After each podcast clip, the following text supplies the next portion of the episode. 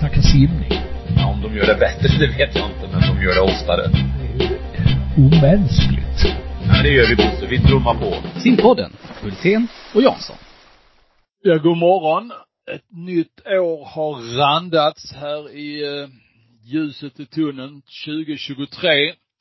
Eh, vi hälsar simpanelen och eh, Jansson som ingår i denna simpanel eh, varmt välkomna och önskar ett gott nytt år. Marcus, ser det bra ut, tycker du?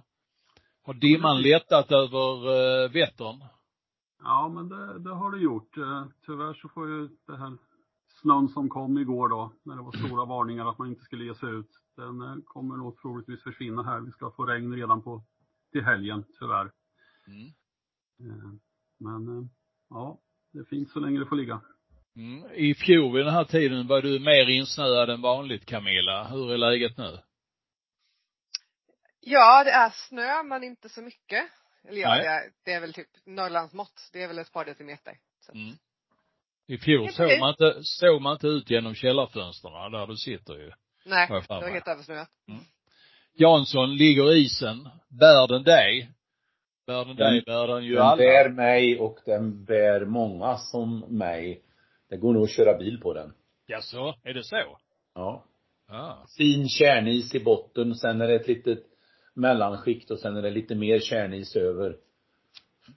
Så. Finns det någon anledning att köra bil på den sjön?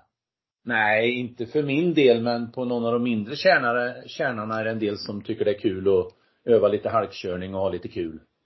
Men ibland, det är inte så att man behöver gena över någon sjö och tjänar lång tid på det. Nej. Nej. Nej. Det var förr i tiden man gjorde det. Det var förr i tiden min eh, farfar åkte skridskor från norra änden in till södra för att handla. Mm. Så är det.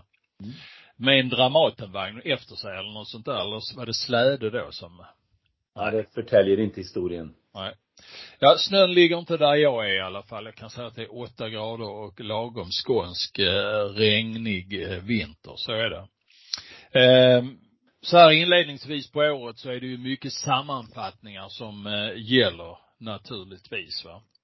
Och eh, vi ska väl också försöka hitta på någon liten sammanfattning av det här och, och titta på eh, lite favoriter när det gäller idrott utanför vår egen eh, sfär så att säga. Du har lagt in en lista här på vårt eh, program. Var kommer den listan ifrån, Thomas? Det är ju eh, de nominerade till Idrottsgalan som är om eh, en och en halv vecka. Mm. Och eh, om vi börjar då titta här på årets kvinnliga idrottare. Där är nominerat Sara Hector, Sandra Näslund, Sara Sjöström och Jonna Sundling. Eh, Marcus, vem rankar du högst i det här sammanhanget? Eh, Ja, jag ser ju på den här listan tre fantastiskt duktiga idrottare, men bara en superstjärna Mm. och det är. Sara. Mm. Och eh, ihop med henne så saknar jag ett namn i den nomineringen. Okej. Eh, det finns en tjej som är på samma, som har samma status som Sara just nu och eh, hon eh, är bäst i världen i en global idrott. Kanske en av de största, volleyboll. Mm. På Isabelle Haak. Isabel Haak, ja. Det är väldigt Ja. märkligt att inte hon har landat på den listan.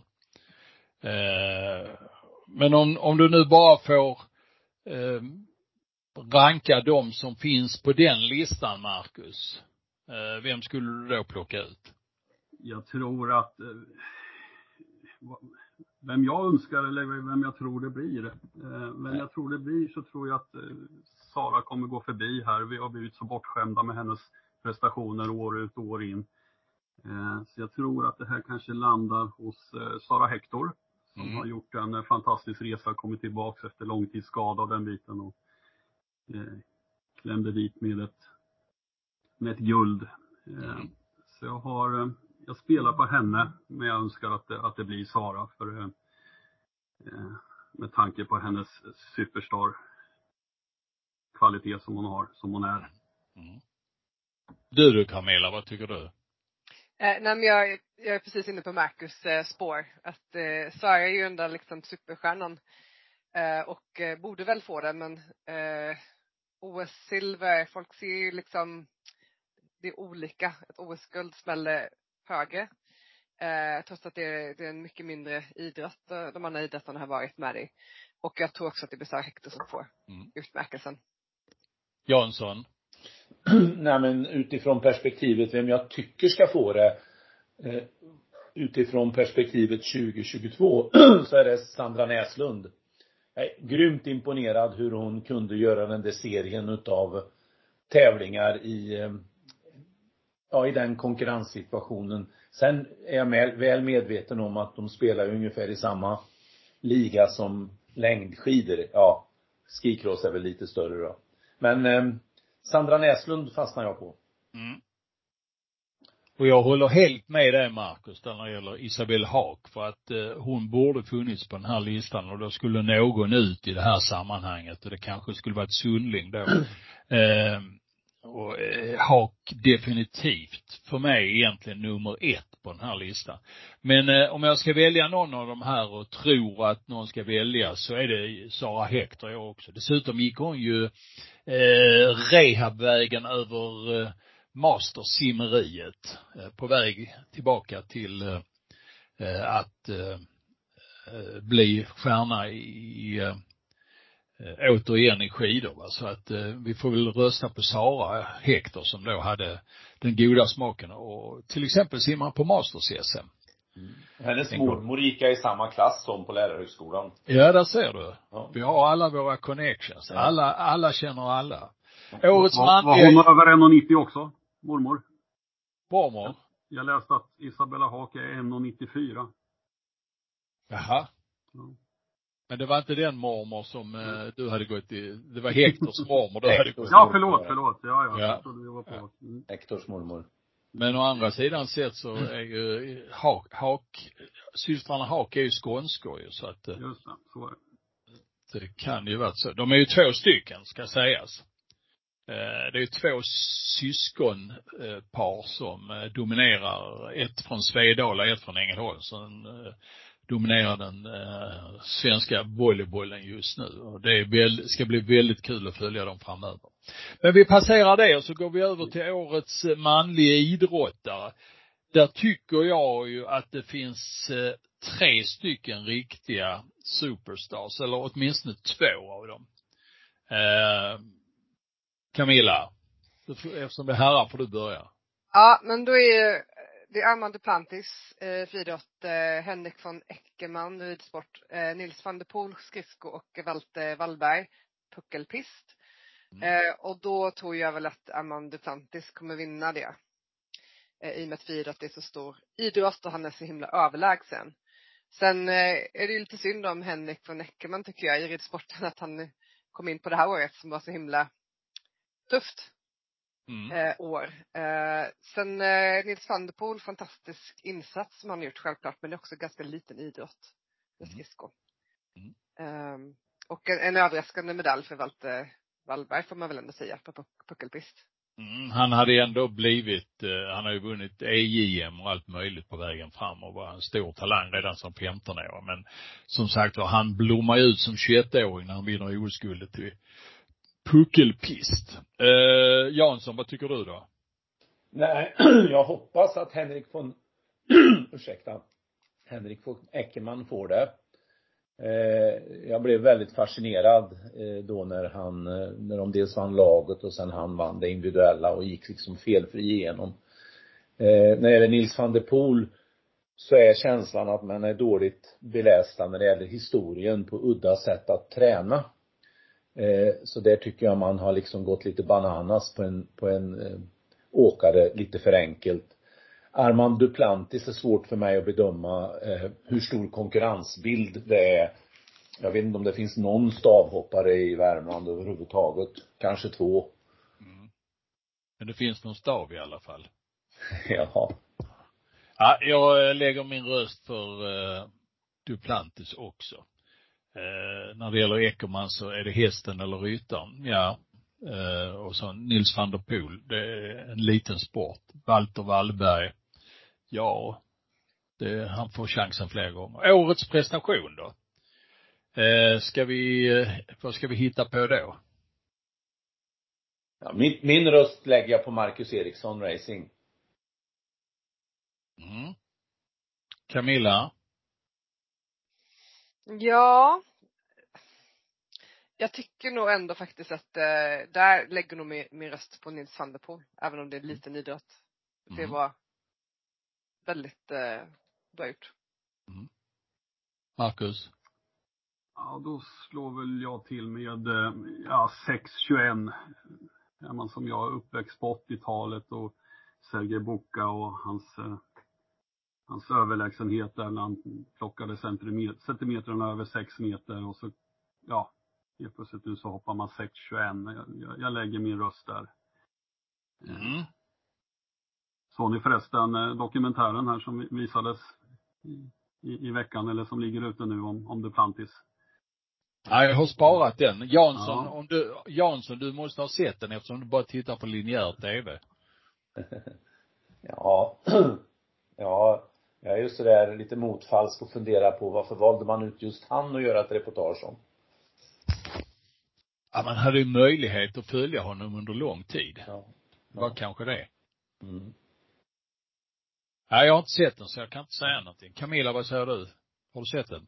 Nej, jag har inte sett den Nej. Det är på min spellista också. Ja, vad bra. Årets Ja, lag då? den, den, är, den är välgjord, den är bra. Ja. Mm. Årets lag.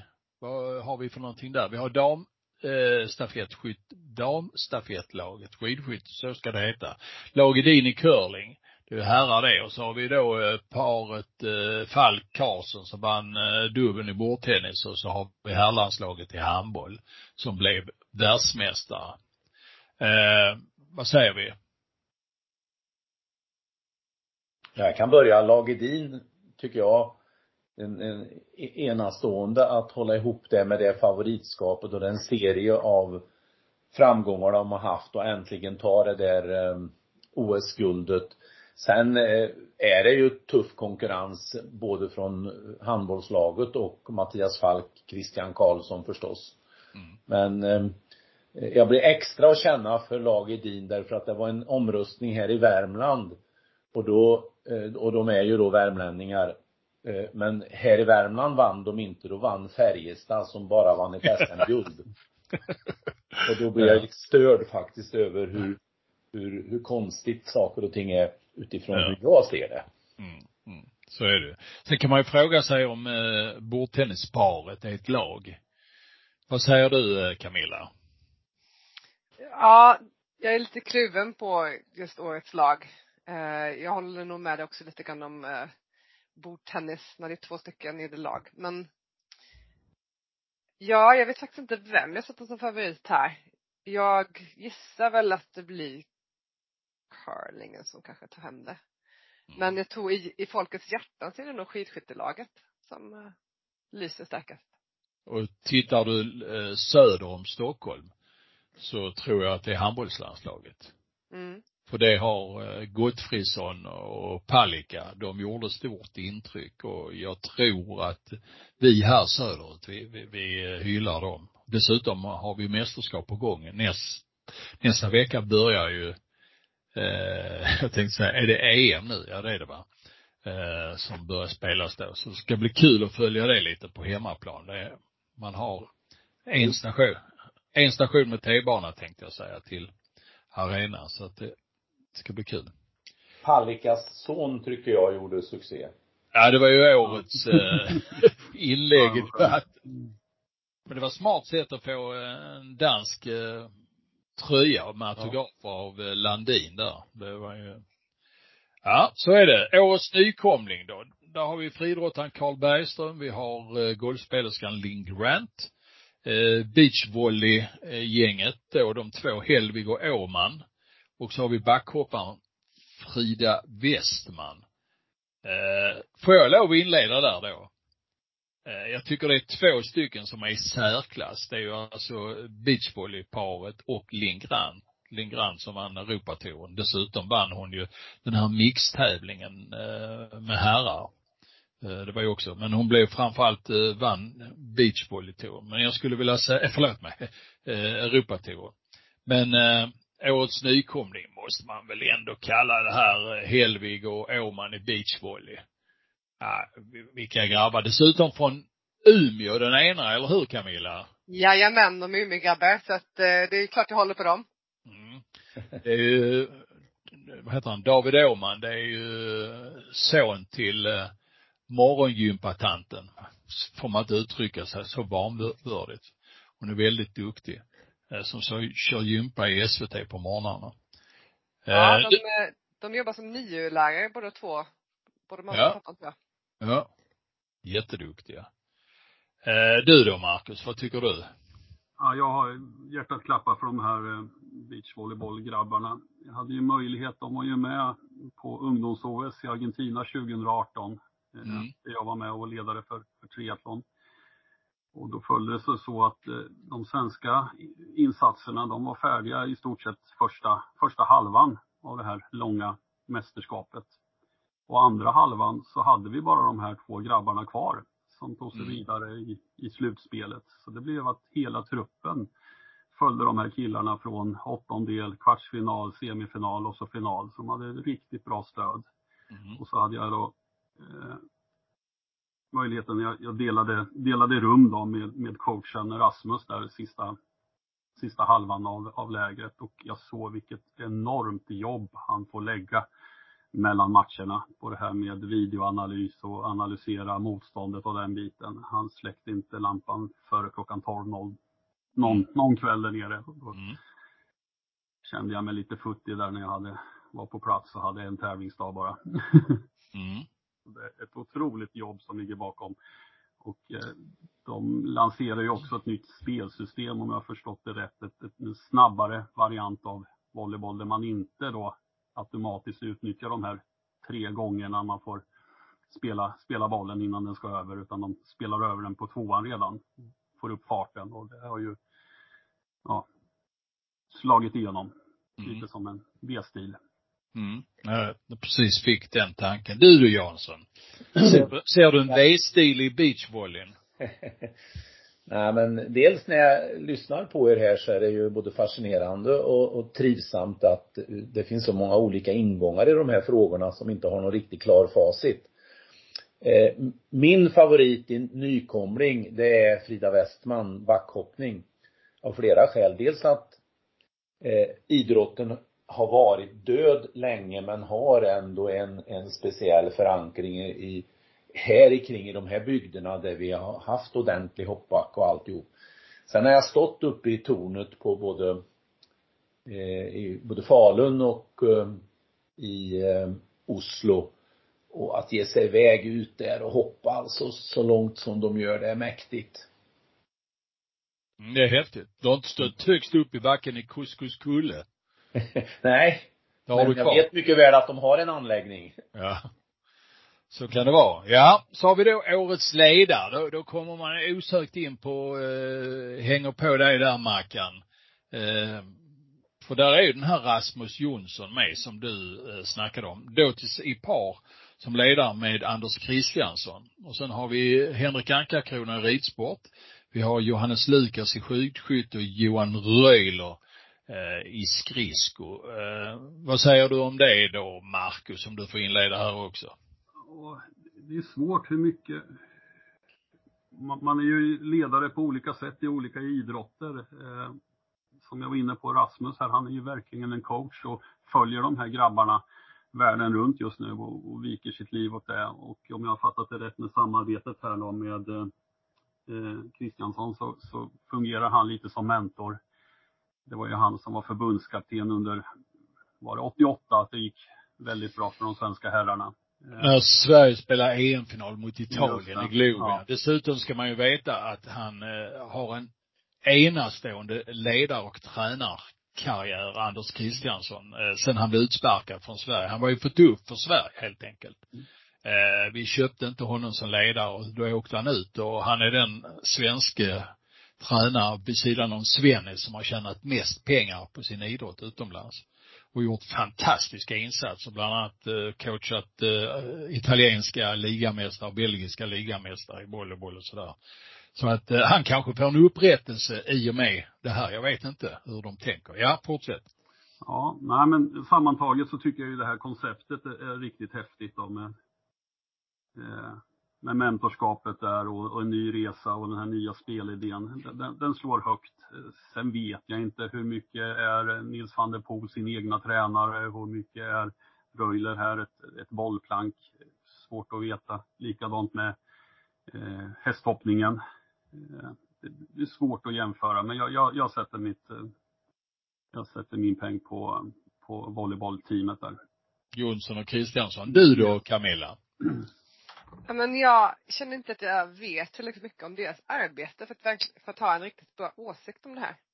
Eh, det är precis som eh, Marcus säger att eh, man vet inte hur mycket hur stor del av deras ledarskap är liksom reseledare och hur stor del är faktiskt eh, i deras vardag liksom eh, som tränare och ledare. Så att jag har ingen, eh, ingen klar favorit där. Eh, men efter vi har hört eh, vad Marcus har att säga så håller jag lite tumme för beachvolleybolltränarna. Det låter som mm. de gör ett bra jobb. Mm. Du Jansson?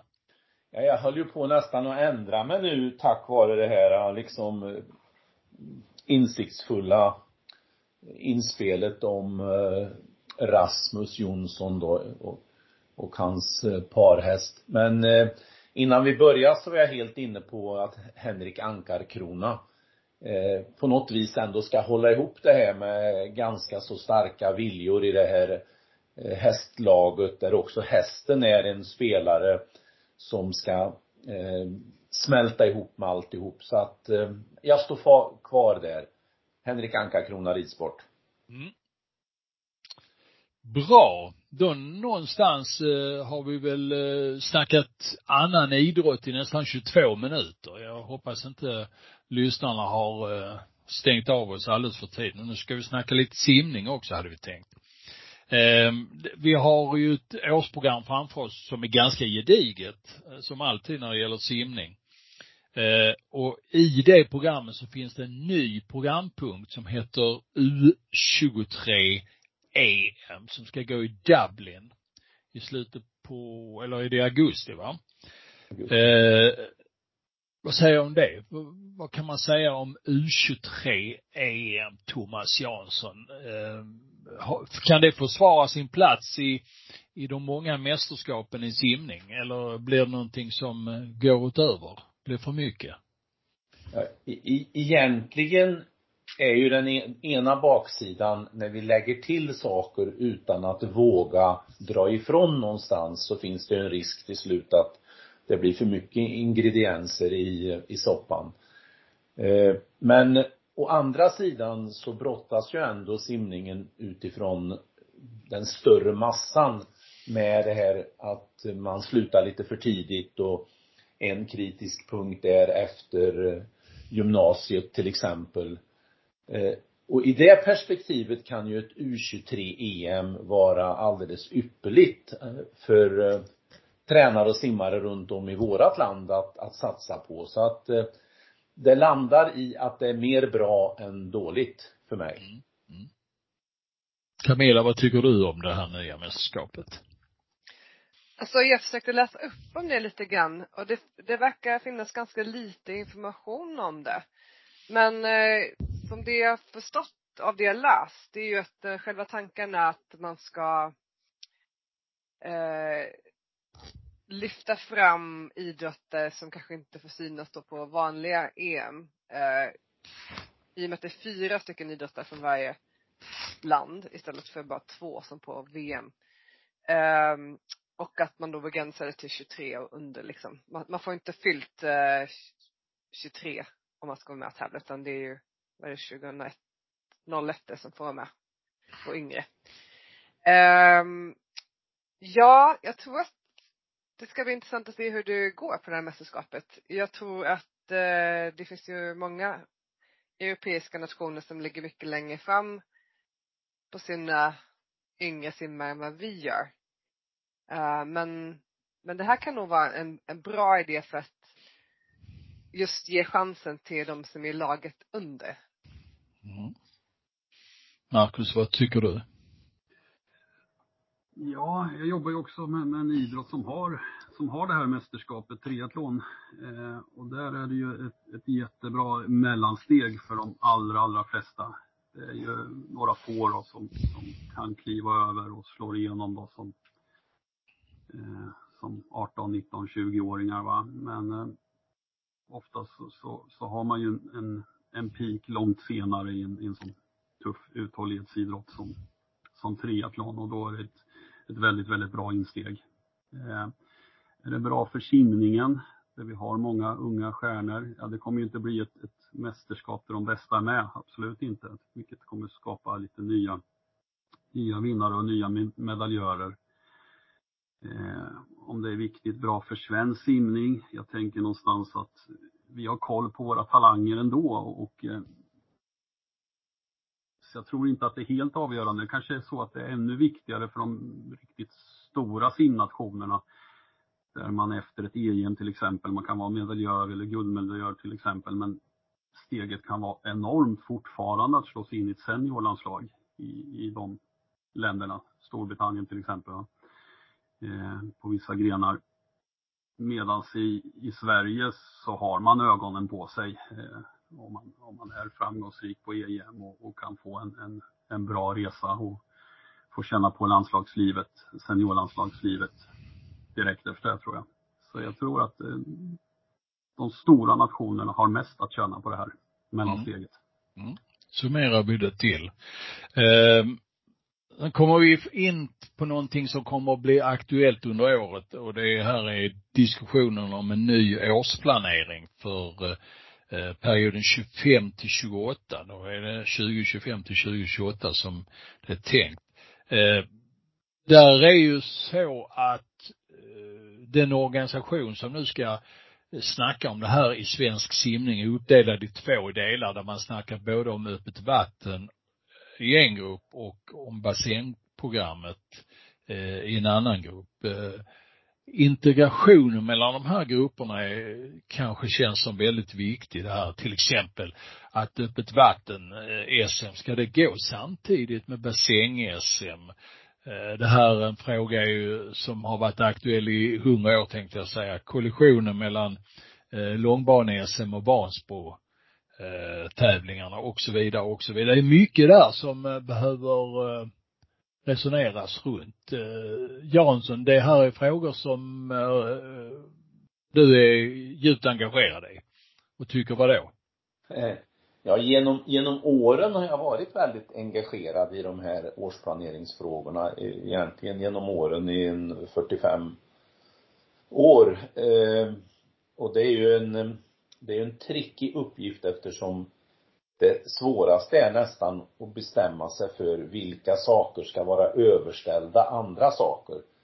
Eh, det blir väldigt lätt eh, att man ställer saker mot varann utan att riktigt eh, djuploda i om det är en, en sak som är viktigare än den andra saken och det är det som är tricket. Tittar man specifikt på det du sa nu här Eh, Eh, ska det vara kollisioner mellan till exempel då, eller ska man ha öppet vatten-SM samtidigt med bassäng-SM? Ja, det, det tycker jag ju och jag tycker faktiskt att det skulle kunna gå samma, alltså gå samma dag, att vi tvingar ändå fram lite val bland simmarna.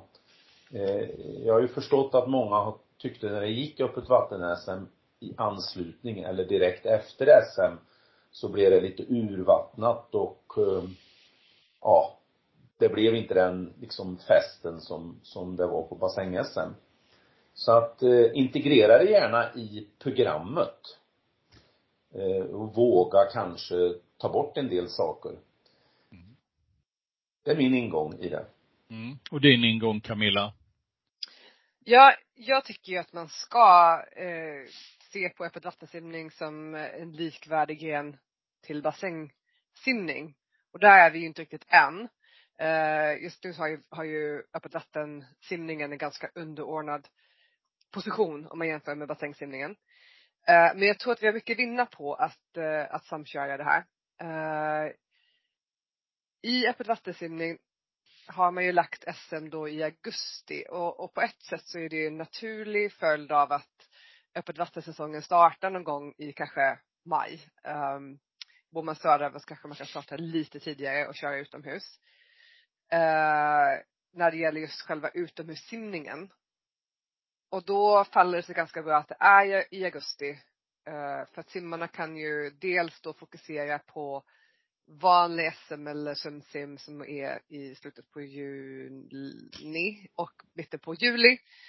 Och sen så bara fortsätta träna och sen så har man liksom lite öppet vattentävlingar fram till själva SM och sen tar man ledigt. Um, men jag tyckte att det var ganska bra ändå att ha öppet vatten-SM i samband med SM-veckan i och med att det är så stor grej. Eh, det var mer publikvänligt, det var mer jag, jag tyckte inte att det blev så avslaget när jag varit med. Eh, det var väl i Borås som var sist som det var i samband med SM-veckan. Eh, då gick ju triathlon samtidigt.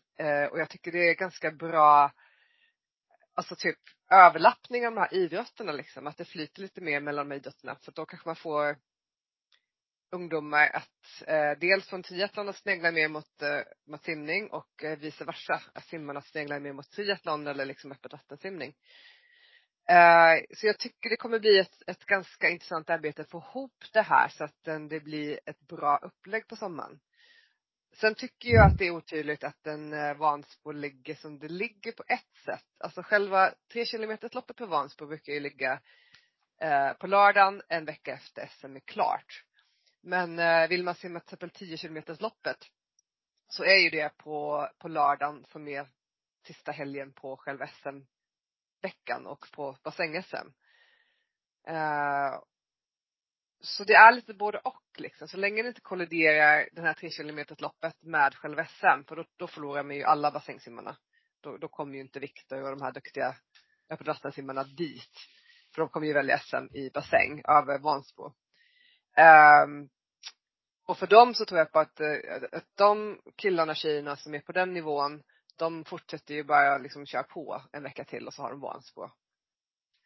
Um, men det vore ju bra om man kunde tänka till lite mer kring själva upplägget så att det, så att det passar, så att fler kan komma iväg och åka och att det syns mer. För jag tror, för bassängsimmarna, de vet knappt ens om att det finns öppet vatten, att det finns den möjligheten. Eh, och det är nog ganska få tränare som pratar med sina adepter om att liksom testa öppet vatten. Och det, där tror jag vi har ett arbete att göra. Mm. Marcus, du som sysslar med de här tankarna varje dag tänkte jag säga, med triatleter, vad tycker du? Ja, det är svårt. Jag har inte bestämt mig. Jag har varit med på, på hela den här resan. Om man tar eh, 2010-talet där vi har testat de här olika vägarna. Antingen så är det ett elitspår om man säger att vi, vi kör ett SM-lopp i samband med bassäng-SM. Det är ju lite mer elitinriktat. Jag tyckte det har varit riktigt bra tävlingar. De jag har varit med i. i ja, Borås nämndes här va. Vi simmade i Halmstad. Eh, ganska enkelt avskalat. Men eh, man kan nog vinna en och annan extra simmare om vi får kalla det där som kanske inte hade, hade ställt upp om det hade gått i augusti. Det andra spåret är ju lite mer bredd och det är ju att, eh, att hitta synergier ihop med, med mastersimning. Man lägger in mastersklasser, man får in sumsim och den biten. Eh, kan man få det att verkligen växa, ja men då kan det ju bli någonting fantastiskt av det. Eh, vi ska ju göra ett försök här nu i Motala i, i augusti och eh, försöka då, ja, vi går in med målet att försöka höja ribban på, på det här arrangemanget och, och göra det så bra som möjligt. Och förhoppningsvis så, så kommer nästa års arrangör vilja kliva över vår ribba. Så det, ja, jag ser fördelar med båda, absolut. Mm. Thomas? Nej, för att ytterligare kommentera just specifikt kring SM och Vansbro. Då tycker jag det är faktiskt bassängdelen som får kliva åt sidan. Eh, Vansbro är ju en institution och nu har de valt att göra då evenemanget till en eh, åtta dagars tävling. Lördag till lördag. Eh, och det är, det, det är ett känt begrepp runt om i landet så det är, det är olyckligt att vi samtidigt kör SM även om det bara kolliderar som Camilla sa med de här 10 kilometrarna. Så det tycker jag är en, det är en knäckfråga för ur ett eh, um, PR-synpunkt också. Så att eh, det blir spännande frågor för de som ska driva det här med årsplanering framöver. Mm, mm.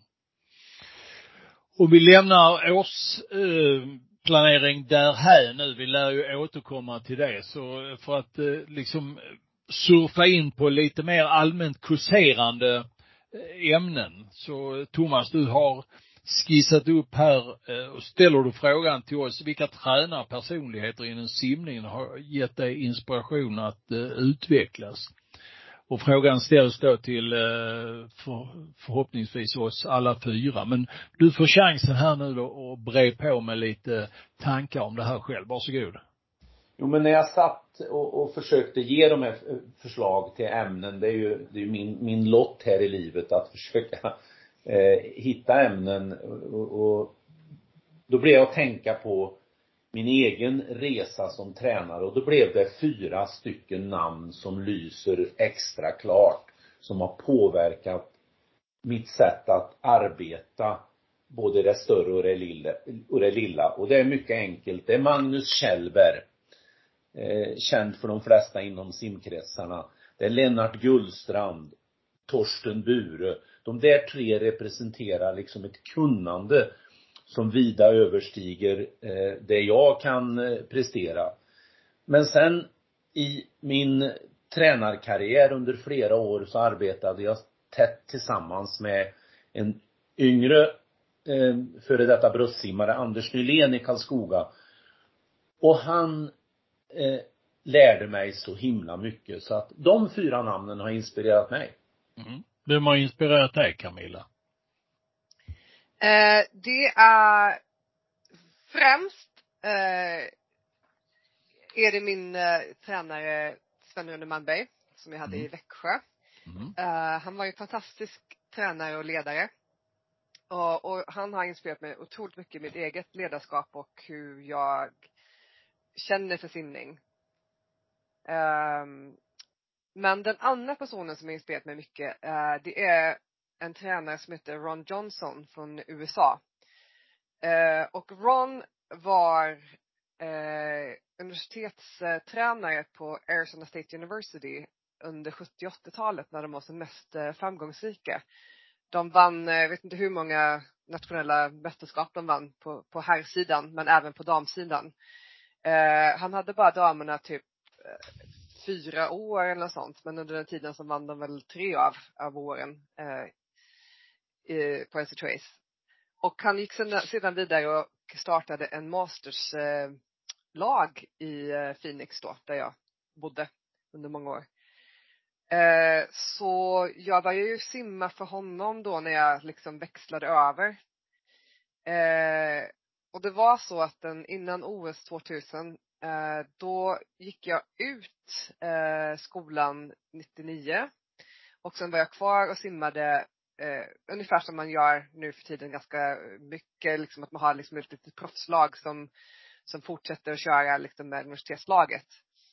Eh, men då hade vi fått en ny tränare där och eh, det funkar inte så bra för oss som stannade kvar. Så att vid årsskiftet så stod jag liksom utan tränare. Eh, och då kom Ron Johnson in i mitt liv eh, och bjöd in mig till mastersträningen. Eh, och det den tiden som jag tränade med honom fram till OS, alltså den, den ändrar mig som simmare fundamentalt. Eh, hans idéer, hans sätt att ha träningen, hans ledarskap. Eh, det, det har verkligen ändrat hur jag ser på träningen. Så han är en jättestor inspirationskälla till mig. Eh, och för många han fick även uh, sån här förtjänstmedalj från eh, mexikanska presidenten för sina insatser i mexikanska OS-laget eh, 72. Mm. Mm. Mackan, vilka är dina husgudar? Oj. Ja, jag måste ju börja och nämna Sven-Arne Selling. Eh, min egna tränare som jag hade då från tidigt 12 års ålder. Eh, Mota simsällskap är ju och har alltid varit en liten klubb så så visar man framfötterna då, då blir man uppflyttad i, i, i, stegen ganska tidigt och då kommer man in i, i översta A-gruppen, elitgruppen som väldigt ung och, och det gjorde jag. Och eh, jag visste väl inte då eh, Sven-Arnes filosofi utan jag tyckte ju att vi, vi, vi tränade på den biten utan det är ju idag jag är tacksam över att Eh, jag brukar säga det, att det är min bästa tränarutbildning som jag har fått. Att, att dela banan med Anders Holmertz i, i två stycken OS-cykler. Eh, och, och, se det eh, jobbet, det tålamodet, eh, att hålla sig till grunderna, göra grunderna, inte göra några avstickare utan göra, göra sin grej och göra det fullt ut. Det var, med facit i hand så var det väldigt tydligt vad, vad Sven-Arne stod för och han bjöd aldrig på några överraskningar. Utan, eh, han körde sin grej. Och eh, var Sven-Arne fick inspiration från det, det har jag också förstått sen långt senare och både Bosse och Thomas var väl med på den tiden. På slutet på 70-talet så tog Svensk Simning, simförbundet in en gästföreläsare.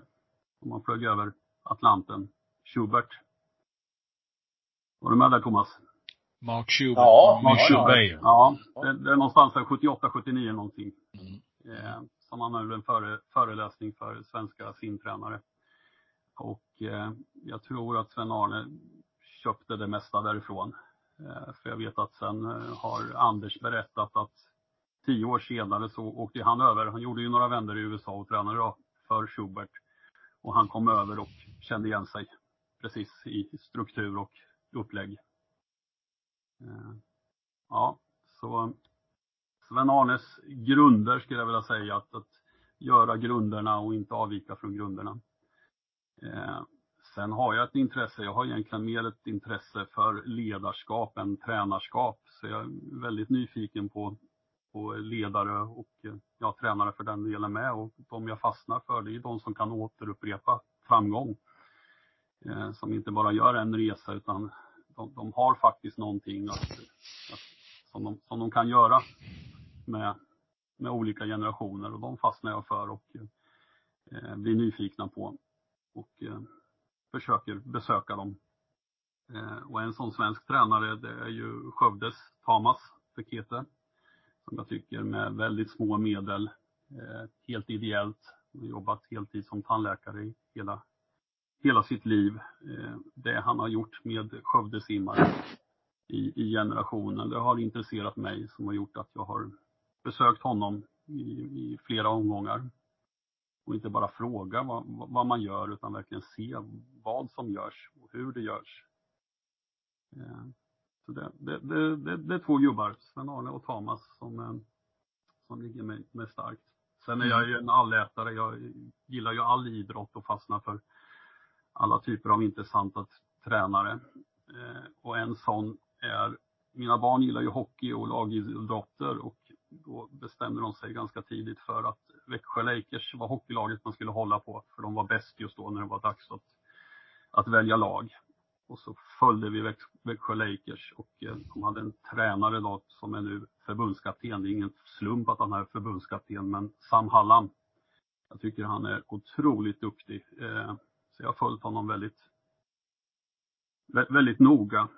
Och eh, till skillnad från många andra hockeytränare som pratar om att man ska ja, köra hårdare, man ska käka puck och man ska trycka till motståndare. Så pratar Sam hockey. Det ska mm. spelas hockey. Och eh, han rör inte en min. Han eh, ja, går aldrig hårt på domare eller andra laget utan håller en väldigt, väldigt neutral profil. Han, eh, ja, ja, jag gillar den killen. Och mm. Det ska bli intressant att se vad man kan göra med ett svenskt landslag i ishockey. Sam mm. Halland. Mm. Det ska bli mycket spännande, jag håller med dig om att följa honom. Första gången på, ända sedan Sandlins dagar skulle jag vilja säga som vi har en förbundskapten som eh, tänker ishockey. Jag överdrev kanske lite mycket där men eh, den, den känslan har jag i alla fall. Jag vart ju förtjust i Mårts ja. Mm, Per Mårts. Som mm. också var en resonerande kraft. Mm. Jag ska avsluta med att slänga in mina två namn här och eh, den första är en, eh, en gammal herre som eh, fanns med i Uppsala och Hedemora som heter Evert Sandberg. Som eh, fick mig att tänka simning och diskutera simning och se simningen ur ett helt annat perspektiv. Eh, han manglade mig några nätter, eh, bara han och jag satt och snackade och drack kaffe och käkade eh, eh sådana här små kakor, vad det nu heter, som jag glömt bort, massariner i Perstorp en gång på början på 70-talet. Och han skulle veta allt som jag hade varit med om i simningen och då fick jag chansen att ställa massor med frågor till honom. Jag var 20 år då, tror jag. Och det var en fantastisk upplevelse att, få sitta och snacka med honom och få träna med honom eh, i drygt en vecka. Jag var med i Uppsala på någon slutträningsläger. Och sen naturligtvis eh, eh, min egen tränare Lars-Erik Paulsson som eh, då för den tiden när vi tränade hade vi Gunnar Larsson i gänget att få följa med eh, deras utveckling och titta vid sidan om så att säga på en landslagstränare och eh, en världsartist och se deras samspel i för och nackdelar men också eh, Lars, följa Lars-Eriks sätt att sälja simningen. Jag köper inte alla hans idéer när det gäller den tränarrollen, men hans sätt att marknadsföra simningen och, och jobba med simningen som en del av samhället, det tyckte jag var eh, väldigt stort att få följa och det har varit min inspirationskälla. Som sagt var, det är två stycken som har lockat mig väldigt mycket. Avslutningsvis då, eh, favoritplatser för läger i Sverige utomlands. Det blir lite kåserande där också. Får ni ett gäng. Det blir nästan som Thomas tre snabba. Och då ska Thomas få börja. Vad är dina favoritlägerplatser? Eh, Desenzano i norra Italien i södra änden av Gardasjön. Eh, klimat, klimatet, maten, vyerna att titta på. Eh, goda ostar. Eh, Club Metropol, Gran Canaria. Eh, ganska stabilt väder året om. Till och med i januari kan man oftast vara där, även om man i dagens eh, tider kanske inte helt kan lita på vädret. Men det är två härliga platser utomlands. I Sverige så har vi ju Älvdalen. Billigt, enkelt, en fin femtia, en kommun som försöker hela tiden hitta lösningar om man diskuterar med det, ett hotell som ligger nära. Och sen en lite nostalgisk plats. Forsakar i Degeberga. Jag tror det är Kristianstad kommun. En, mm. en femtia som ligger nere i en gryta. Som är, och så ett värdshus bredvid med fantastisk mat, eller var. Så det var ett nostalgiskt inspel. Mm. Camilla, har du aktuella eller har du nostalgiska inspel i det här? Ja, alltså jag älskar ju också Forsa Kar. Jag var faktiskt där och simmade i somras. Eh, och det är ju så vackert där. Men jag har glömt bort hur grunt det var i ena änden. Eh, men mitt favoritställe nostalgiskt, det är faktiskt Åhus. Som också är väldigt nära. Eh, där. Eh, när det var 50 meters bassäng på Kantarellen eh, så är ju det fantastiskt. Åhus är ju en, en otrolig sommarstad. Eh, händer jättemycket, jättevacker strand. Eh, och jag är ju partisk då eftersom jag har, mina föräldrar har ett hus där så jag är där varenda sommar. Men eh, det är min favoritställe. Nu har de byggt om det till 25 så att nu eh, blir det ingen mer läger dit, tyvärr. Uh, utomlands skulle jag säga faktiskt just nu så tycker jag att eh, uh, Pleitas är väldigt bra att åka till. Uh, det är ju många som åkt dit. Uh, Marcus är ju där varenda år till exempel så han känner ju tillfället väl. Men just det här liksom att allt finns på ett ställe och man kan köra öppet vatten eh, och med bassängsimning väldigt lätt. Det tycker jag är en väldigt bonus. Eh, och av samma anledning så gillar jag också T3 på Teneriffa. Tycker det är också fantastisk anledning. Men det är tyvärr lite dyrt.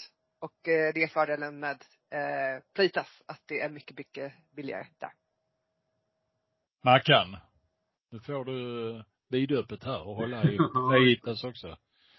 Ja, nej men jag gillar, gillar Playtas och det är tur det eftersom jag eh, spenderar där någon vecka varje år i alla fall.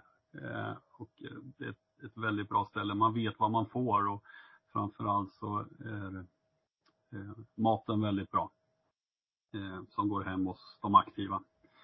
Eh, inga, konstiga, inga konstiga röror. Eh, annars på svensk mark, för mig är det mycket detaljerna som avgör. Det kan vara små saker, det kan vara liksom att eh, om badvakterna hälsar eller inte, då kan jag bestämma mig väldigt tidigt för ett ställe. Eller om man kommer dit första gången och eh, ja, ni ska ha två banor här och så får man inte hjälp med att flytta allmänheten från banorna utan det får man göra själv och sådana saker. Och bara en sån liten detalj som att varsågod, här har du en kopp kaffe. Eh, ett ställe som är väldigt duktiga på det här, det är Borås. Med eh, badchefen där, Hasse Johansson i spetsen. Som är väldigt mån om, om, om sina besökare, om, om lägren.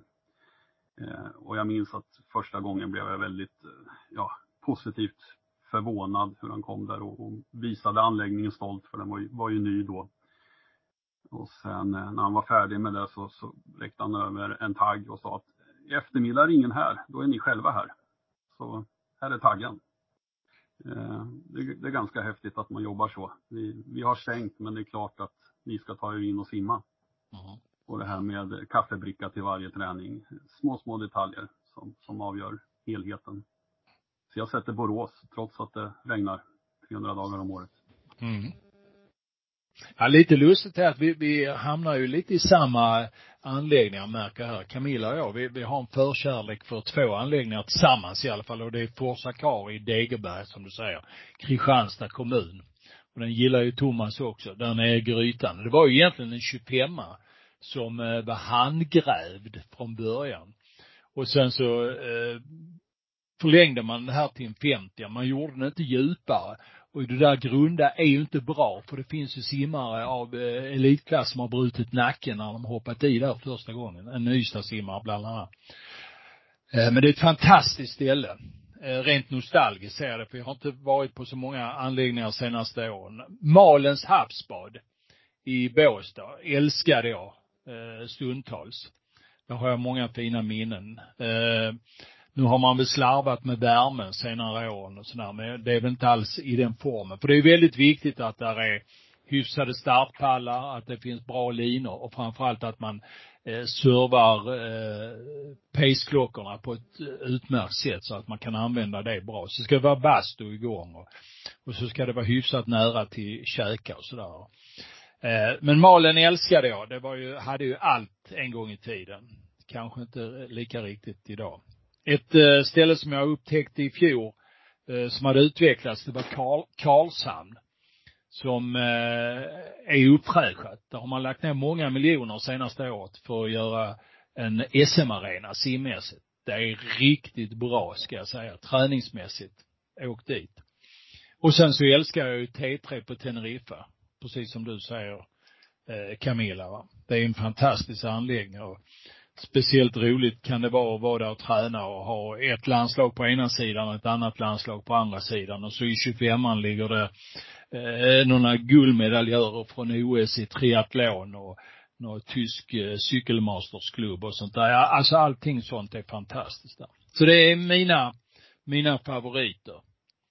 Ja, det var mycket nostalgi, mycket runt omkring, men eh, det var ändå en hel del simning, även om vi inledningsvis snackade idrottsgala och annat smått och gott. Nu har det gått eh, snart en timme, åtminstone 55 minuter. Nu känns det färdigt för idag. Har du något att tillägga, Jansson? Nej. God fortsättning på er. Ja. Du Camilla? Nej, god fortsättning. Mm. Ut och åk skidor och Mackan. Ska du simma idag? Nej, jag hade min chans i morse när jag var nere vid bassängen, men jag kom inte i idag heller. Men, nej. Nej. Det blir ja, men det, sen. det blir eh, fler dagar och fler chanser det här året. Eh, tack ska ni ha för att ni var med idag. Tack också alla ni som har lyssnat på denna första eh, simpodden med simpanelen anno 2023. Och eh, vi önskar er en god fortsättning på det här året. Tack för idag. Nu ska vi snacka simning. Om de gör det bättre, det vet jag inte, men de gör det oftare. Omänskligt. Ja, det gör vi Bosse. Vi trummar på. Simpodden, Hultén och Jansson.